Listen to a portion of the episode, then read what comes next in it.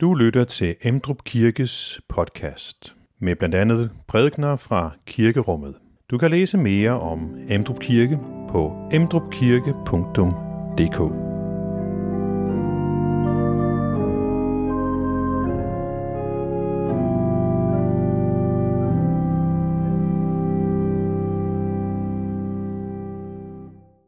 I dag anden påskedag, og øh, det tema, som jeg har valgt for i dag, er øh, temaet nærvær.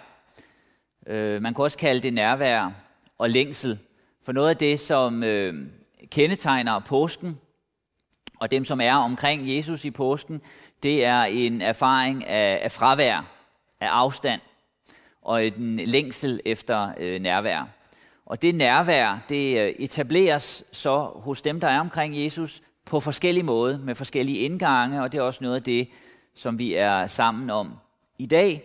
Og det rejser jo så også spørgsmålet om påsken i vores liv, og Jesu nærvær i vores liv.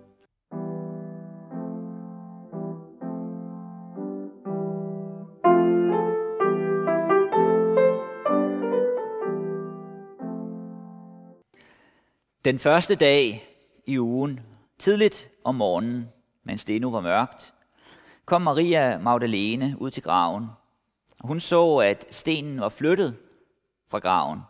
Så løber hun hen til Simon Peter og til den anden disciple, ham som Jesus elskede, og siger til dem, de har flyttet Herren fra graven, og vi ved ikke, hvor de har lagt ham. Så kom Peter og den anden disciple og ville ud til graven. De løb, begge to, men den anden disciple løb foran hurtigere end Peter og nåede først til graven. Han bøjede sig ind og så lindeklæderne ligge der, men han gik ikke ind. Simon Peter, som fulgte efter ham, nåede nu også frem.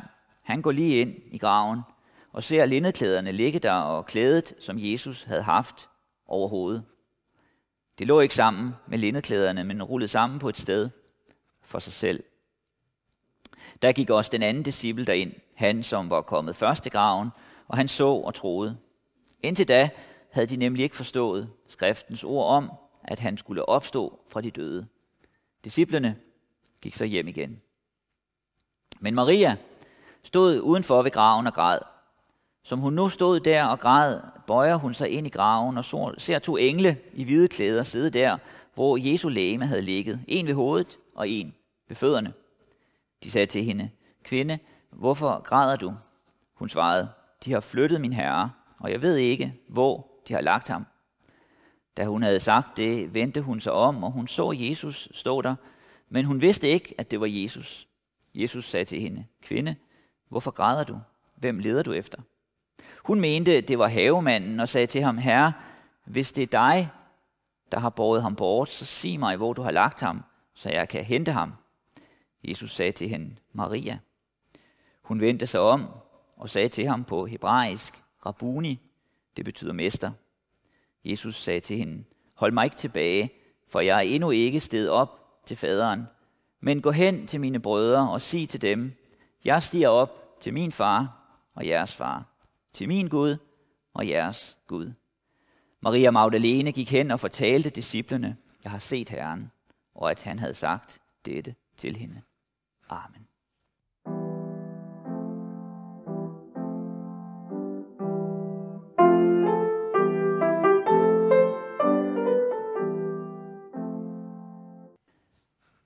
Lad os bede. Tak, Gud, for påsken. Tak, Jesus, for din lidelse og død. Tak, Helligånd, at du gør dette levende for mennesker. Vi beder så om, at du også vil møde os, at du også vil gøre det levende for os. At du også vil slå følge med os i vores liv, i dag og videre frem. Og at vi må forstå, hvad det betyder for os i vores liv, at du er opstået, og at du er død for os. Amen.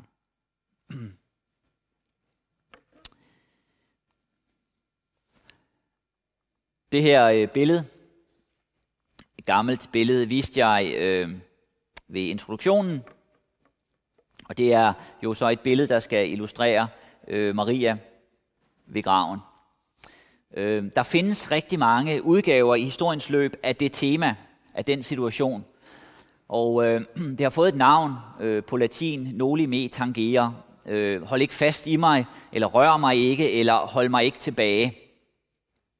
Og det, som jo er pointen i det, som det også kommer til udtryk i den, i den danske oversættelse, det er, at det ikke er et spørgsmål om, at øh, Maria ikke må røre ved Jesus, men om, at hun ikke må holde ham tilbage, at der er noget, han har at gøre, og noget, han har at fortælle hende.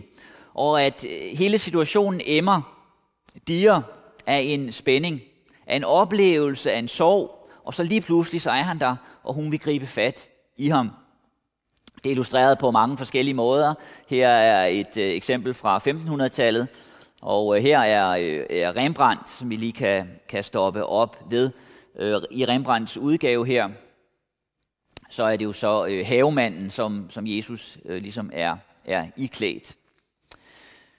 Hun tror, at det er havemanden, hun står overfor.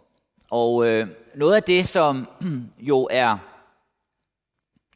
et tema i det, som sker her, også i øh, Johannes evangeliet, som vi lige har, har hørt, øh, det er en, en længsel efter nærvær og et tab af nærvær. Et ønske om det, og de søger det. Og øh, derfor bliver øh, graven her øh, påskemorgen et sted med en øh, vis øh, trafik. Folk løber frem og tilbage og kan ikke forstå, hvad det er, der sker. Og det, som jo øh, omgiver påsken, langfredag er også påskedag, det er tårer og sorg og smerter og lidelser, og så også jubel og latter og glæde. Og vi løber ind i de store følelser i påsken. Mennesker bevæges, og dem vi hører om her, de bevæges. De bevæges i deres indre, og de bevæges jo sådan set også i deres ydre. De bliver sat i bevægelse på forskellige måder. Det er noget af det samme, vi også møder i de andre læsninger til i dag i salme 16 fra det gamle testamente, som Elisabeth læste. Der er det noget af det samme, eller her har vi en beskrivelse af, øh, af Kristus, der kommer, noget som skal komme. Sådan er det jo brugt i det nye testamente, i Apostlenes Gerninger et par gange, den salme som udtryk for, hvad det er, der skete med Messias, hvad det er, der skete med Jesus, at han skulle ikke blive i graven, hvad der skal ske. Og i den anden læsning fra 1. Korinther 15, der ses der tilbage. Der skriver Paulus til en forsamling i Korinth, og han peger tilbage på det, som er sket, at Kristus er opstået, og forklarer, hvad det betyder for os og for dem. I læsningen her fra Johannes 20, som jeg lige har læst, der er det altså Peter øh, og Johannes, og så særligt Maria øh, Magdalene, som vi møder. Det er dem, der er fokuseret på. I andre påskeberetninger er det andre personer, der fokuseres på. Men noget af det, som trækkes frem her, det er betydningen af det, der sker. Fordi i umiddelbart, det som de løber ind i i påsken, det er meningsløst. Det giver ingen mening. Det er udtryk for tab. Det hænger ikke sammen. Alle deres forestillinger om, hvem Jesus var, hvad han skulle og hvad han skulle med dem, det ramler sammen. Og det, som skal gå op for dem her, noget af det, som skal gå op for dem, det er betydningen af det. Og øh, det, som let kan ske, når man er stå over for den tomme grav og over for påskens begivenheder, det er, at man står på ydersiden. Man står på ydersiden og betragter det, holder det på afstand. Og det, som var vigtigt for dem, som var omkring Jesus her, det var, at de kom ind på indersiden af det. At det kom ind i hjertet på dem. At det kom ind i deres liv.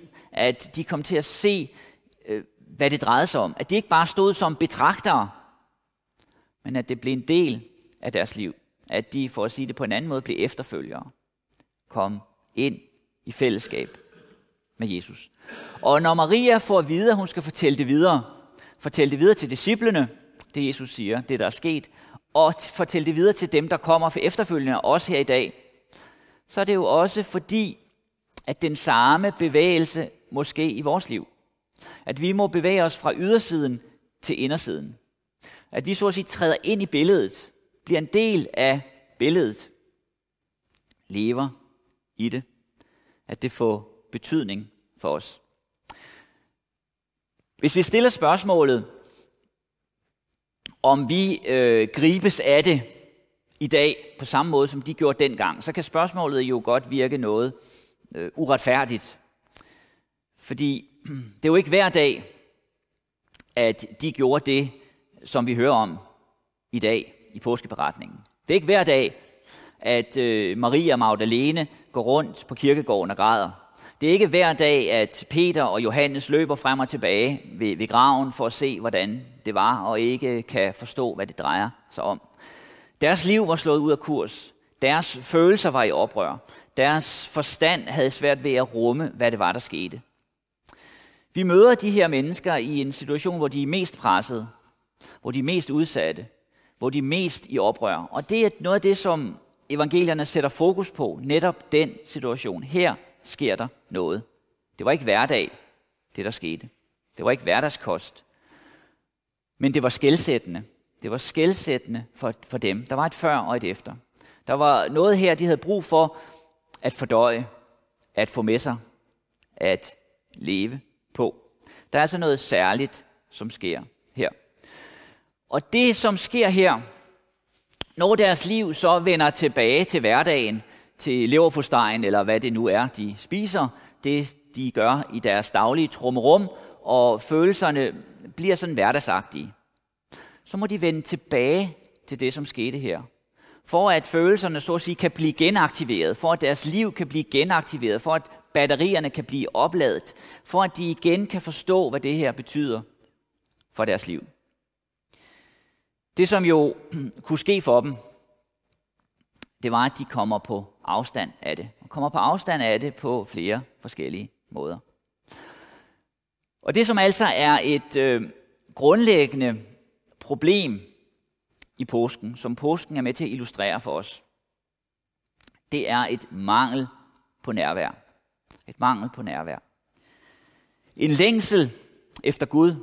En længsel efter Guds nærvær. En længsel efter, om Gud dog vil gribe ind. Og så er en erfaring af, at det gør Gud nu. Nu er Gud helt nærværende i Jesus. Og så forsvinder han igen. Og så er problemet der igen. Og løsningen, løsningen, det er nærvær. Og det er noget af det, som øh, påsken illustrerer for dem. Men det er nærvær på en anden måde, end de lige havde tænkt.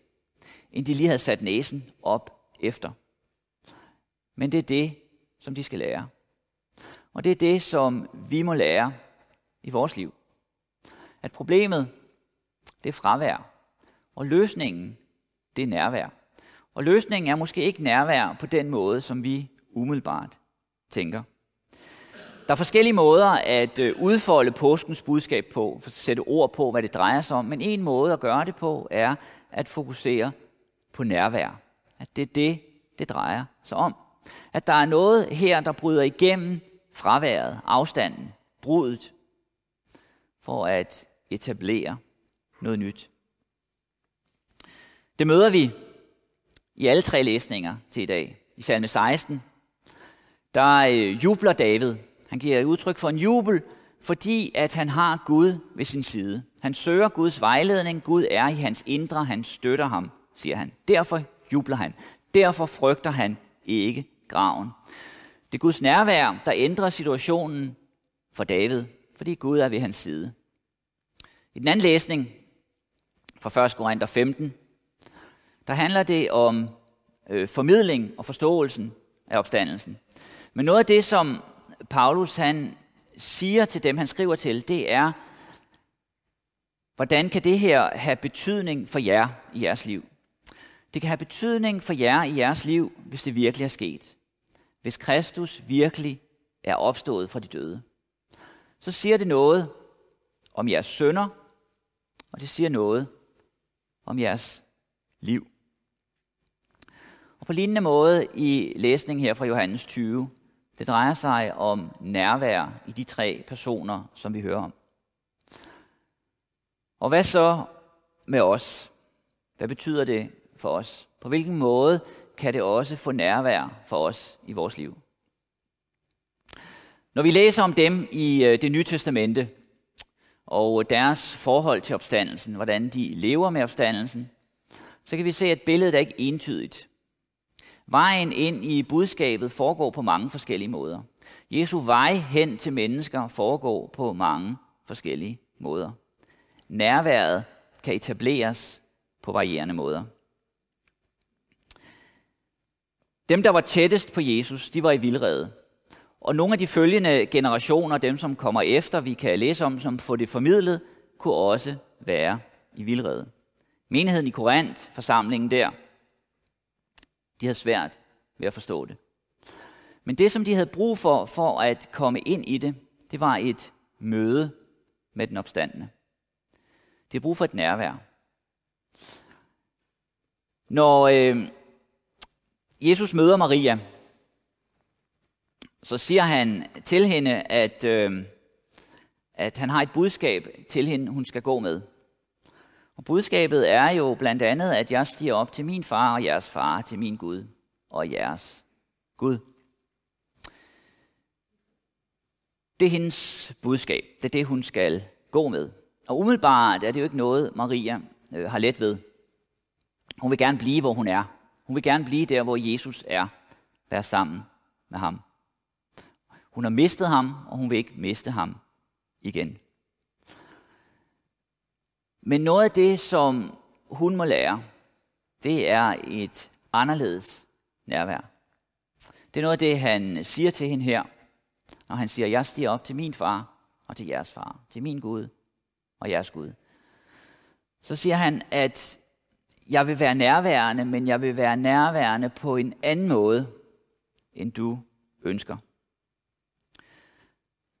Og dermed så sættes vi i samme situation som Maria. Hvor det er samme budskab, vi får formidlet. Hvor Jesus også siger til os, jeg stiger op til min far og jeres far. Jeg går til min Gud og jeres Gud. Eller som han kan sige et andet sted, jeg går i forvejen for at berede rum, et hjem for jer.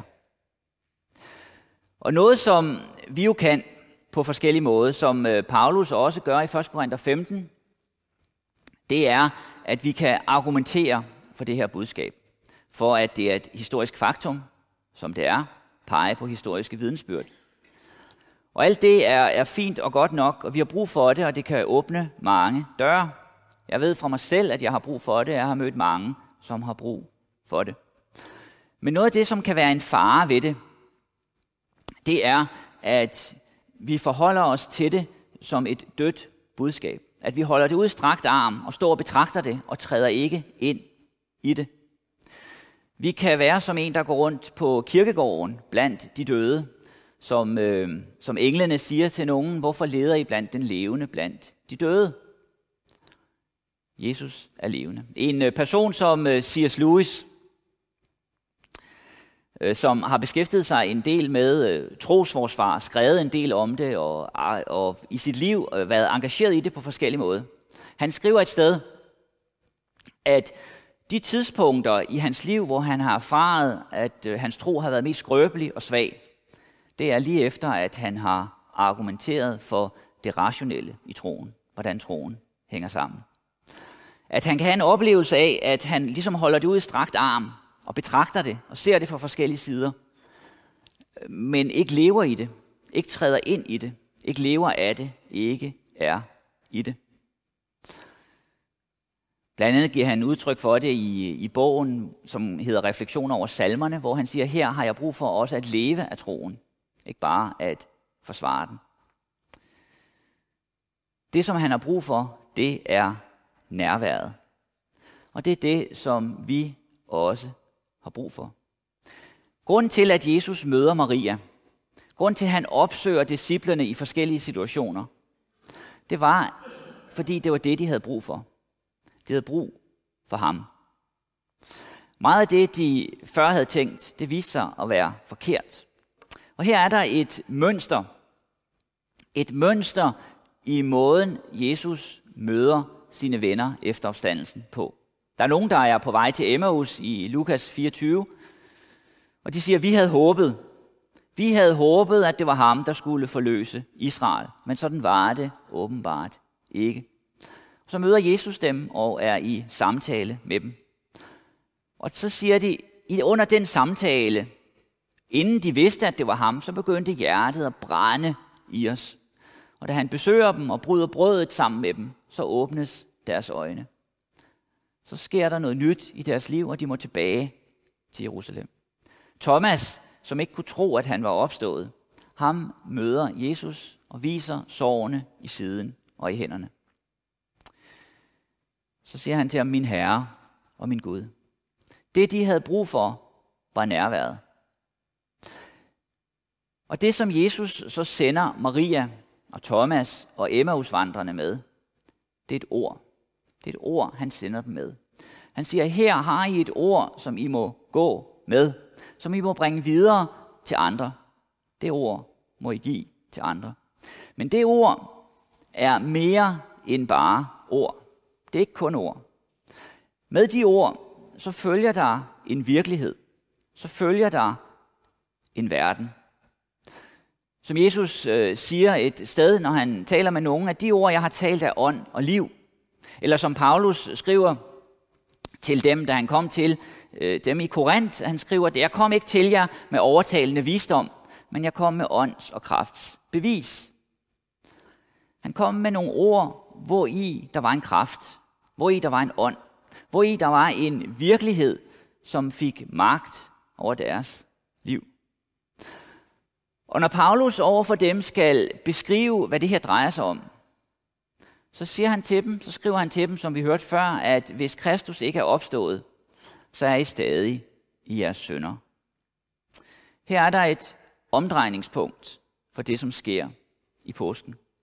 Her er der et kraftcenter, som er sat i den her verden, hvor igennem Gud har omgang med os og omgang med den her verden. Hvordan det udfolder sig i menneskelige liv kan være meget forskelligt. Men det vender tilbage til det her kraftcenter igen og igen. Som Paulus skriver i begyndelsen af 1. Korinther 15, han kom for at dø for vores sønder. Det var ganske afgørende. Det var det, jeg overleverede først og fremmest. At Kristus døde for vores sønder efter skrifterne. Det var det første. Og dem, som var tæt på Jesus i påsken, de fik en meget kraftig anskuelsesundervisning i, hvad det betyder. De fik det ind under huden. De måtte leve med det. De måtte lære det i deres liv.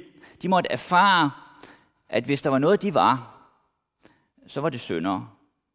Hvis der var noget, de havde brug for, så var det tilgivelse.